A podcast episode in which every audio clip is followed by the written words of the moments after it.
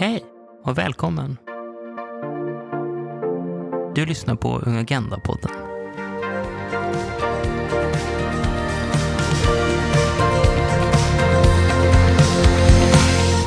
Hej och välkomna till detta avsnitt av Klimat på spåret! Jag heter Ludvig eh, och med mig i den virtuella studion har jag Fredrika. Hej, hej! Eh, vi är LSUs två ungdomsreppar för klimat och kommer ta med er på en liten resa i tid och rum idag. Allt i klimatförändringarnas tecken. Men först, vad är en ungdomsrätt för klimat? Jo, LSUs medlemsorganisationer de skickar in nomineringar när det är dags att hitta en ny sån här ungdomsrepresentant. Och sen så käkas de upp inne i organisationen och man väljer eh, en person. Och vi har sedan detta året två stycken som sitter på de här mandaten. Så man sitter i två år, överlappar, Eh, så man kan ha en bra överlevning. Och det vi gör är att vi är med i Sveriges officiella delegation till COP-konferenserna, eh, där då FNs klimatarbete förhandlas och diskuteras. Och vårt uppdrag är helt enkelt att representera ungas intressen inom de här förhandlingarna. Så eh, har ni en åsikt om hur internationell klimatpolitik ska utformas, hör av er. Det är det vi finns till med. Det finns e-mail till oss på dylika sidor. Okej, nog med det byråkratiska och tråkiga. Ska vi åka tåg, Fredrika? Jättegärna. Någonting jag saknat i den här tiden är att åka tåg, så det känns som ett bra upplägg för ett par klimaträppar. Vad är upplägget för kvällen, Ludvig? Eh, jo, men vi kommer ha lite olika delar av detta. Vi kommer leka På spåret. Eh, Fredrika har vänligen ställt upp att vara tävlande. Eh, jag vet inte om hon sitter i första klass eller i dressinen. Ja, men jag tänker att man som kopplat kanske man är en sån här tågluffare ner till ett klimatmöte. Så jag tänker att jag sitter i någon dressin någonstans. Det låter faktiskt eh, mätt troligt. Så eh, dressinen. Och vi ska ta en liten världstur kring hur det egentligen går i den internationella klimatpolitiken just nu. Lära er lite mer om hur Parisavtalet funkar och lite kort och gott om vad som har hänt det här året. Precis, för det vi alla undrar i klimatarbetet är ju vart är vi på väg? Är det en värld med 2,1 graders uppvärmning som vi kommer se år 2100? Det är ett av scenarierna som har kalkylerats ifall man tar hänsyn till alla de mest ambitiösa mål som finns nu. Ifall alla de uppfylls, då når vi en värld med 2,1 graders uppvärmning. Eller är det en nästan 5 grader varmare värld? Så skulle världen vara ifall vi tillåter allting att fortsätta som vanligt. Ett så kallat business as usual scenario. Varför spelar det här någon roll då? Jo, därför att det här handlar om genomsnittlig uppvärmning. En uppvärmning på två grader är jordens genomsnittliga temperatur. Men på vissa platser på jorden kommer den uppvärmningen kanske vara fyra grader eller ännu mer än så. Och det blir väldigt avgörande för väldigt många människor och andra levande tings liv och framtid helt enkelt. Till exempel så är det en väldigt stor skillnad på 1,5 grader som alltså är det mål som länderna har sagt att vi ska sikta mot i Parisavtalet och två grader som är det mål som inte får överstigas. För vid 1,5 grader, ja men då har vi några korallrev kvar. Vi kommer fortfarande få erfara långt fler naturkatastrofer, men vi kommer inte få lika många som vid två grader. Det kommer vara färre människor som tvingas fly. Eh, det kommer att finnas mer mat. Och allt det här är ju det som finns nedkokat i Parisavtalet. Så det är där vår historia börjar, eller hur Ludvig? Exakt. Och vill man veta exakt vad skillnaden mellan 1,5 grader och 2 grader är så släppte IPCC, den här samlingen vetenskapspersoner som eh, forskar på klimatet, de släppte en rapport just om det ämnet eh, 2018. Eh, så om man googlar på 1,5 grader IPCC så får man upp massa bra information. Kan högst rekommendera det. Men ja, Parisavtalet, denna institution, 2015, man är i Paris. Man tar detta viktiga beslut. Och det var ju då jättestora förhandlingar kring om det skulle bara vara två grader eller om man också skulle sikta på 1,5. Där var det ju väldigt många civilsamhällsorganisationer, unga människor, urfolksgrupper som verkligen pushade för att vi kan inte sikta på två grader. Så det är tack vare dem det ens finns med, den här uppfattningen om 1,5 grader. Och det är verkligen superviktigt att vi inte nöjer oss med två grader, för det är en väldigt stor skillnad som Fredrika just pratade om. Verkligen. Och Paris var ju personligen eh, en, liksom, en stor lättnad. Jag tänker att Paris kanske är vår ungdomsrörelsens, jag vet inte, 9-11. Man minns vad man var när det hände, när man insåg att nu, nu löser sig kanske saker för planeten. Eh, nu finns det lite hopp.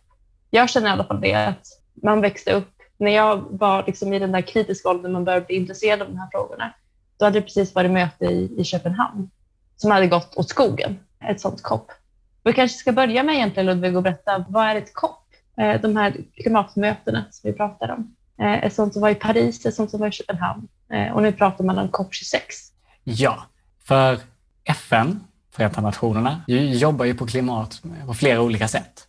Men det huvudsättet de jobbar på är inom eh, klimatkonventionen som då skrevs under 1992, om jag kommer ihåg rätt. Och den konventionen har setts varje år efter det för att diskutera, okej, okay, vad ska vi göra inom det? Hur ska vi sträva mot att minska utsläppen, förhindra klimatförändringarna? Och det var liksom inom den konventionen man sen skrev under Kyotoprotokollet som var liksom första försöket för att nu ska vi sätta gränser, vi ska liksom hålla eh, länder till svars för deras utsläpp. Det gick inte så jättebra. Det var liksom ett bra försök, men det gick inte så jättebra. Och det var därför man då behövde Parisavtalet eh, som kom 2015. Och man har då samlat Kyotoprotokollet, Parisavtalet, klimatkonventionen på ett stort möte som sker varje år. Så man pratar om alla de här sakerna på samma ställe. Och COP står då för Conference of the Parties. Så man, man samlar helt enkelt alla som har skrivit under de här konventionerna på en plats för att förhandla dess implementering. Eh, så det är vad ett COP är. Och det var ju då i Madrid förra året. Och så ska det vara i Glasgow nästa gång. Precis. Ja, ska vi påtala den elefanten i rummet redan nu kanske? Ja, men vi kan kanske göra det. Du, du ja. åka till Glasgow idag, Fredrika. Nej, men precis. Jag skulle egentligen suttit, ja, men, eh, varit liksom på väg hem från Glasgow de här dagarna när jag trädde på det här uppdraget. Jag tänkte att så som COP hålls varje år så skulle det nu hållas i Storbritannien, i Glasgow. Men Xi fick det med coronapandemin och nu har det alltså skjutits upp eh, ännu ett år. Och istället för det här toppmötet med förhandlingar så har man haft något som heter Climate Dialogues där man har lite informella samtal om klimatet. Inte någonting som tar något bindande beslut, men det vi har fått göra istället för att sitta på ett kopp är att vi har suttit i, i samtal och hört länder som pratar om eh, att det är viktigt att höja ambitionerna, eh, men också hört ganska mycket teknikstrul jag fick verkligen sitta och försöka hålla mig för skratt när jag hörde China, China, are you there? Hello! och långt zoom, zoom tystnad. Så ja, eh, man kan ju hoppas att det kommer in lite mer ungdomar eh, i de här förhandlingarna så att det kan gå lite smidigare rent digitalt. Ja, men lite bra teknikhjälp eh, kan kanske behövas. Men jag, jag, tänker för att förstå varför det hade varit så viktigt med ett COP26 i år så måste vi förstå lite mer om Parisavtalet. Så vi, liksom, vi drar tillbaka till eh, 2015 och hur Parisavtalet egentligen fungerar. För det är inte bindande så som man kanske tänker att det är. Att så här, om ni inte gör detta så ska vi slå er på händerna och eh, ni ska få straff. Liksom. Så funkar det inte. Utan det bygger på att länderna själva ska definiera vad de ska göra för att nå detta målet. Så det är inte FN som säger ni ska göra detta, utan länderna säger hur de ska göra det. Och det är vad man kallar NDC eh, på eh, FN-språk. Nationally Determined Contributions. Men vi, vi kommer kalla det bara så här eh, löften. För det är egentligen det vad det är. Liksom. Sverige då genom EU säger till FN, vi lovar att göra detta så att vi kan nå avtalets eh, mål. Och de kommer var femte år. Så 2015, när Parisavtalet skrevs under, så lämnade man in då initiala åtaganden, löften, som det är de vi har haft fram tills nu. Men då 2020 skulle det då vara året när man skulle höja ambitionerna. För det är viktigt. Det står i Parisavtalet att varje sån här cykel så måste ambitionerna bli högre. Där då tanken är att man liksom likt en sån här god cirkel, blir ambitiösare, ambitiösare, ambitiösare tills vi når målen. Så det skulle ske 2020. Och då var ju tanken att Glasgow, vi skulle samlas där, alla de stora utsläpparna skulle säga ja, äntligen, nu sätter vi ambitiösa mål. Så blev det ju inte riktigt. Liksom. Så lite det vi ska ta oss igenom idag är liksom, okej, okay, men vad har ändå hänt? Vi vill ändå liksom försöka hitta guldkornen i skitåret 2020. Eh, Precis, det tror jag verkligen behövs. Mm. Och lite andra saker som kan vara bra att veta om Parisavtalet. Det finns en hel djungel av saker som man kan grotta sig ner i för den som är, har ett specialintresse av det här. Eh, men det man kan bra att veta är att det finns ett par guldkorn också i Parisavtalet. Några principer som, som är särskilt viktiga. Eh, en av dem kallas Common but differentiated responsibilities eller gemensamt men skilt ansvar som handlar om att okej, okay, eh, vi är alla länder som tillsammans måste klara den här klimatkrisen och vi har alla ett ansvar eh, att göra det vi kan. Men vi kan göra olika mycket och vi har också olika stort, stor skuld eh, i att vi har hamnat i den här situationen. Kollar man på hur mycket historiska utsläpp man har så finns det vissa länder som ligger i topp och andra som ligger långt ner på botten. Och vi förväntar oss inte samma handling eh, av alla de här parterna, utan tanken är att de länder med stor klimatskuld eh, ska gå före i omställningen. Och där har vi ju vårt kära Sverige som ett av de länderna. Sammankopplat med det eh, så ska också de här länderna med större klimatskuld hjälpa länder med, med lägre klimatskuld genom bland annat finansiering. Det finns en grön klimatfond som ska kunna hjälpa till med anpassning eh, av länders ekonomier och system, eh, men som också ska kunna hjälpa till med att hantera de, de förluster och skador som uppkommer i och med klimatförändringarna. Och i, på, på den punkten kan man väl säga att det, det finns väldigt många stora mål om finansiering och det kommer en del finansiering för att till exempel utveckla förnybar energi och sådana projekt. Liksom. Och där eh, får vi ändå ge cred till att Sverige är ändå en av de verkligen största finansiärerna baserat på hur mycket inkomst vi har. Liksom. Men det är alldeles för lite när man ser det i förhållande till den, den skulden som finns. Liksom. Och sen så finns det ju också både att man ska försöka minska utsläppen men också att man måste anpassa sig till utsläppen. Vi, oundvikligen så kommer vi ha en del uppvärmning och det kommer ske mycket skador. Man kommer förlora mycket. Och för att se till att de förlusterna blir så små som möjligt så måste man anpassa sig. Så det finns också liksom finansiering till anpassning som är en stor fråga på de här förhandlingarna. Och det är extremt underfinansierat. Eh, det är verkligen krisnivå. Så om ni träffar någon så här rik liksom, man eller kvinna som sitter på positioner och kan ge pengar, prata om anpassning kan ni få ett medskick från oss. Nyårslöfte till allihopa, tycker jag. Skaffa pengar till eh, klimatanpassning. Ja, det är ett bra nyårslöfte. Det kör vi på. Men nu Ludvig, nu, nu vill jag spela. Eh, ja. Jag sitter här på nålar och är peppad på att det här är min stora dröm att få med På spåret. Så jag tänker också ifall någon av er känner Christian Lok eller Fredrik Lindström och kan liksom pytsa in, vi behöver lite yngre personer i På spåret, eh, gärna en klimatrepresentant, så ställer jag absolut upp. Jag kan vara din eh, med, medresenär Fredrika, gärna. Fantastiskt, tänker vi ge ett smakprov nu, så det blir jättebra. Okej, okay. Men vi, vi sätter igång med, med, med första, första resan det här kommer inte vara lika bra som På spåret. Jag vill bara liksom sänka förväntningarna direkt. Men det, vi kommer ha jättekul, vi kommer lära oss jättemycket. Så du kommer få tre ledtrådar på varje.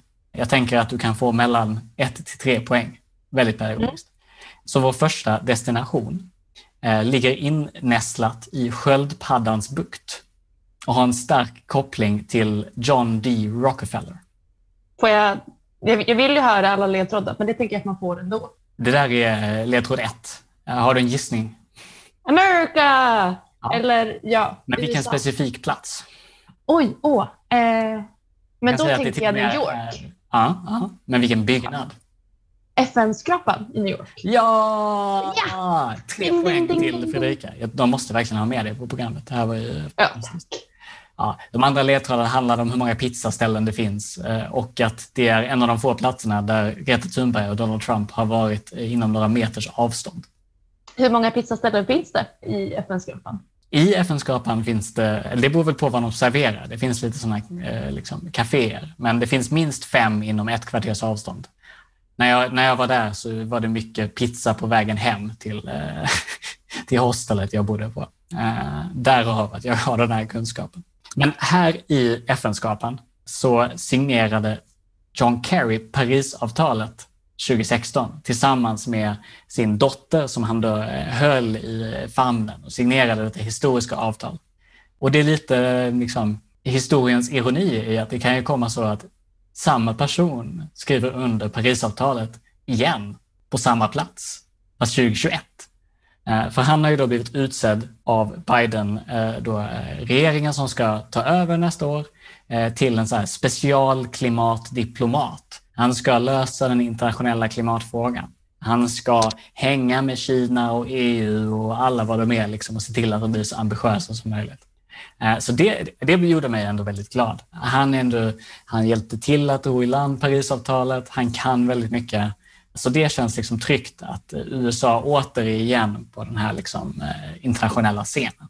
Ja, men det känns ju skönt. Jag tänker att det har ju liksom varit en klump i magen under hela, sedan 2016 i ens klimathjärta. Liksom, att okej, okay, vi kan komma fram till hur mycket saker som helst, men USA har gått ur Parisavtalet. Så det var ju verkligen en lättnadens suck som man drog där eh, när det till slut såg ut som att Biden vann. Mm. Och eh, faktum är att USA är ute ur Parisavtalet nu Eh, hade det varit ett COP26 nu, de hade inte fått vara med. De har inte skrivit under avtalet och då får man inte sitta vid förhandlingsbordet eh, officiellt. Och det har ju skapat en liten konstig dynamik nu de senaste åren där Kina, EU, de, de har väl varit lite så försiktiga. De, de, de vill lite förhålla sig till vad USA gör. Så eh, förhoppningen är väl att nästa år, när alla, alla, alla är med i gamet igen, liksom, att man då kan ha riktiga snack och riktiga ambitioner. Verkligen. Och det är ju mycket snack från amerikanskt håll, för de som följde amerikanska valet, om en Green New Deal, eh, om kanske att USA som skulle bli 100 procent förnybart. Eh, och mycket handlade ju om att Biden ville fånga de unga rösterna. Så vi får hoppas att de rösterna hålls eh, och att det lever upp till de förväntningar som finns. Ja, och det är verkligen en sån sak. Vi får bara se vad som händer. Man, man kan lova väldigt mycket inom politik, men eh, om man inte får det gjort, liksom, får det igenom de olika demokratiska systemen man har, så eh, då är det inte så jättemycket värt. Eh, men, men jag är ändå hoppfull. Som du säger, unga har verkligen pushat på. Det finns ju Sunrise Movement i USA som var instrumentella till att eh, Biden faktiskt vann och, och som även liksom har pushat hans klimatpolicy i en mycket bättre riktning. Så där ska vi verkligen hylla de unga klimatkämparna i USA. Ni får vår liksom, guldstjärna på den fronten. Verkligen. Och om man tänker tillbaka på det här, vart är vi på väg? Så om, man, om nu de här löftena hålls, om USA kommer tillbaka in i Parisavtalet på något vis eh, och går med på sina, ja, de åtaganden som man satt ut på att göra, eh, då är det 0,1 grad mindre uppvärmning som vi ser 2100. Eh, och det kanske låter som lite, men i det stora hela så är det här som det handlar om eftersom att det är alla länders samlade handlingar som avgör och där väger USA väldigt tungt. Verkligen. Vi kan väl nämna att vi just nu är vid 1,2 graders uppvärmning sen sedan innan industrialiseringen. Så eh, det hade ju varit väldigt stort. Precis. Att gå upp, ja. ja, jag tänker att vi, inte, vi, vi ska inte dröja oss för långt vid, vid varje, varje ställe här nu. Vi, vi tar raskt och hoppar på ett eh, fraktfartyg. En dröm. Det har jag också på min bucketlist. Det, ja. det kanske till och med är drivet av segel. Vi kan säga det. Stora segelpontoner det här. Ja. ja det, det, det, är ett svenskt företag som håller på med det. Tyvärr ska de frakta bilar, vilket jag tyckte var väldigt ironiskt. Men jag tänker Nej. att vi kan övertyga dem Jättebra. att använda det till annat också. Eh, vi ska vidare till en stad där det finns 91 universitet och världens största fågelbo. Vänta, åh, det här kan jag. Nej, men det här är ju Beijing. Det är Beijing! Ja! Mycket bra. Än så länge full pott från Fredrik Andersson. 91 universitet. Det är så många universitet. Och herre! Ja. En smart stad. Det är en smart stad, det händer mycket, det är stort. Nummer två, det fanns bara två ledtrådar kan jag avslöja. Jag kommer inte på en tredje. De har haft väldigt stora problem med smog. Var det. Ja. En personlig anekdot kommer här nu. Jag var där 2008 under OS. Och såg fågelboet. Och såg fågelboet, ja. Eh, det gjorde jag. Det är alltså då en arena i Beijing som heter Fågelbo. Men då hade de ju liksom stängt ner kolkraftverken runt omkring Beijing och de hade typ skjutit moln. Alltså de hade, liksom, de hade manipulerat molnen på något sätt så att det skulle bli bra väder. De, de hade gjort liksom mycket grejer där.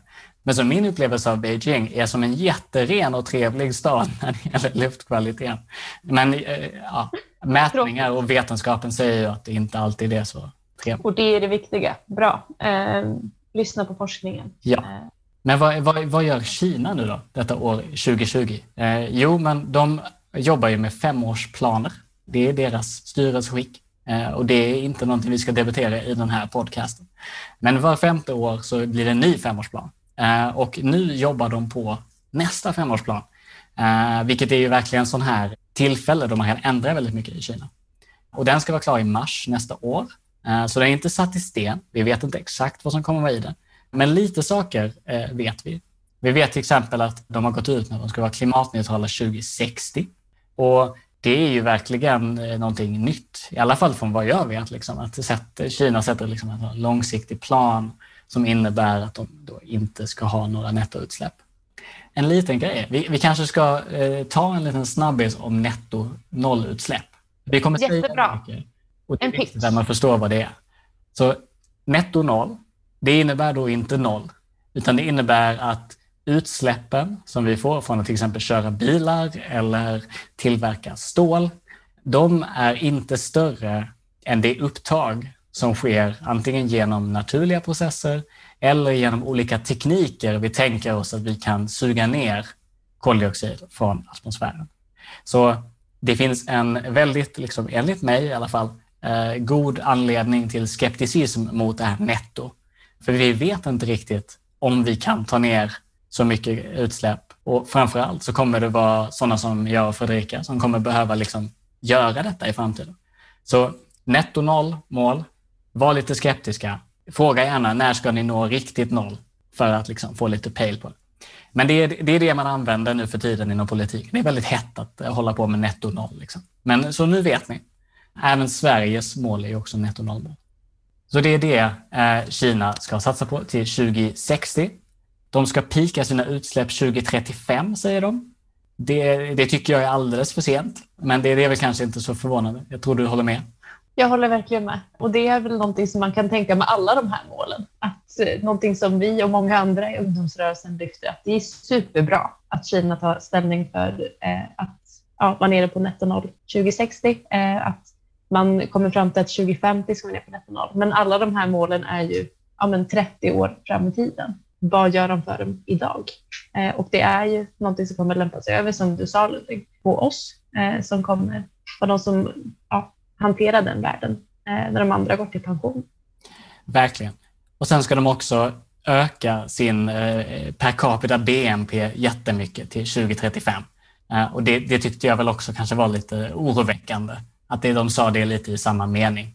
Eh, vi får hoppas att eh, jag har fel och att man kan kombinera dessa två mål. Men eh, jag, jag är lätt skeptisk. Eh, men så det händer grejer i Kina, eh, i Beijing, mycket aktivitet. Eh, hoppas att ambitionerna är högre eh, än så här när det kommer till kritan. Okej, okay. vet du någonting mer om Kina du vill lägga till, Fredrika?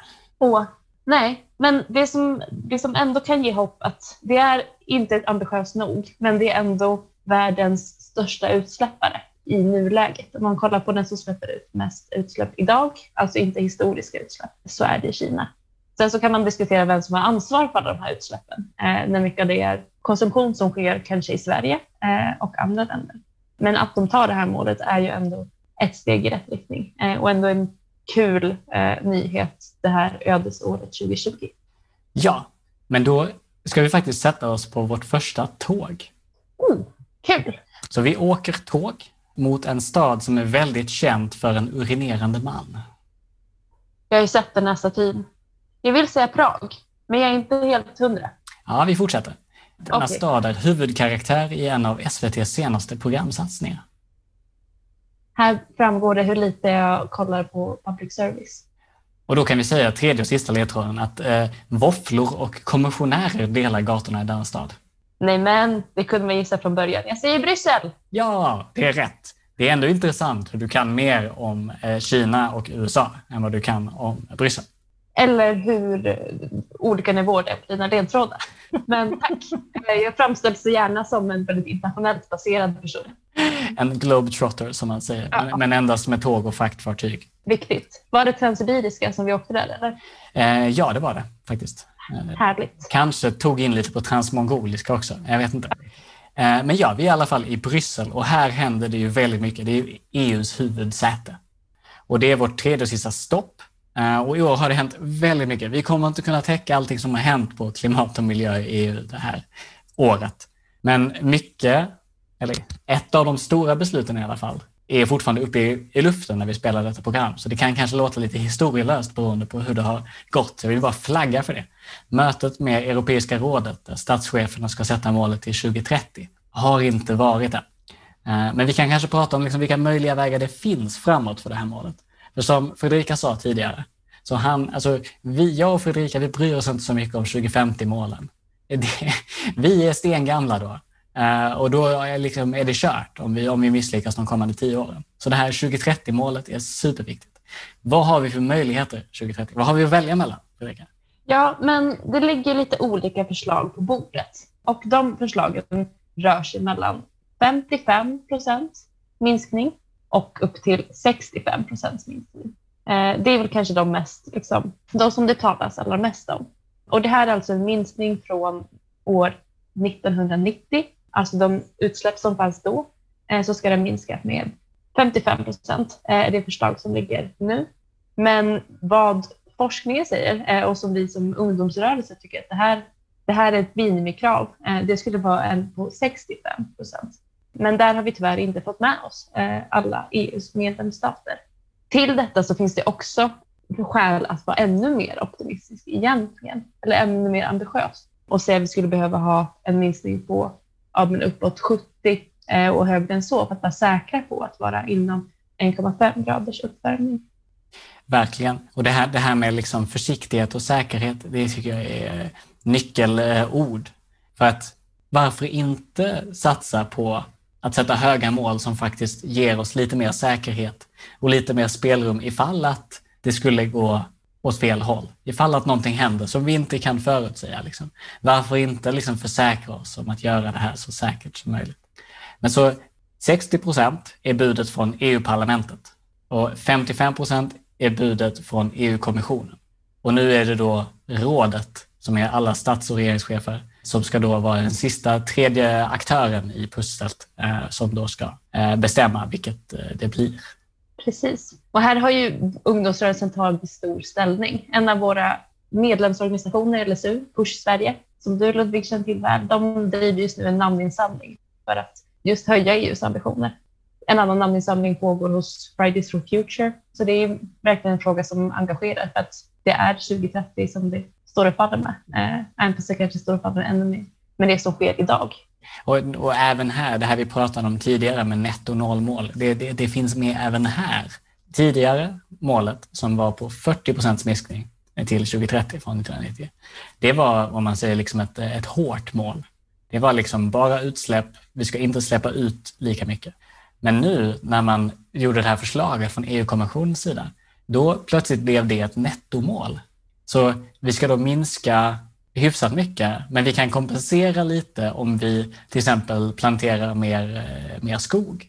Kan vi kanske räkna upp det? Eller om vi installerar sådana här kolinfångningsmaskiner. Och det tycker ju vi inte är bra, eh, för då kan man ju kanske komma undan med att minska utsläppen lite bara för att man också skapar de här ner, eh, nersugen. Varför inte bara göra både och? Varför inte bara liksom göra den goda grejen, men också göra den andra goda grejen? Jag tycker det är helt eh, ja, sanslöst att man ens försökte sig på det. Så det måste vi säga till om. Är det så farligt att skapa en bättre värld i onödan ifall det skulle visa sig att äh, vi gjorde lite för mycket? Nej. Det är väl jättebra, eller hur? Det kommer ingen ångra om 30 år. Nej.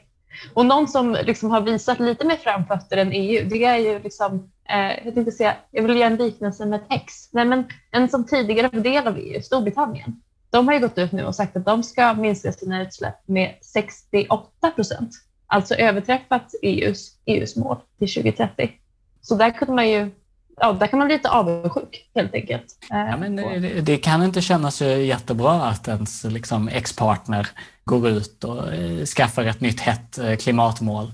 Speciellt precis innan man själv ska liksom gifta sig. De får ju se till att kanske sätta det på 70 procent. Vi hoppas att avundsjukan är den viktigaste drivkraften där för EU. Ska inte underskattas, verkligen. Och sen så hade vi också, eh, i alla fall för mig som bor i Malmö, en liten eh, närmare eh, avslöjande från Danmark. Att de ska sluta leta efter olja.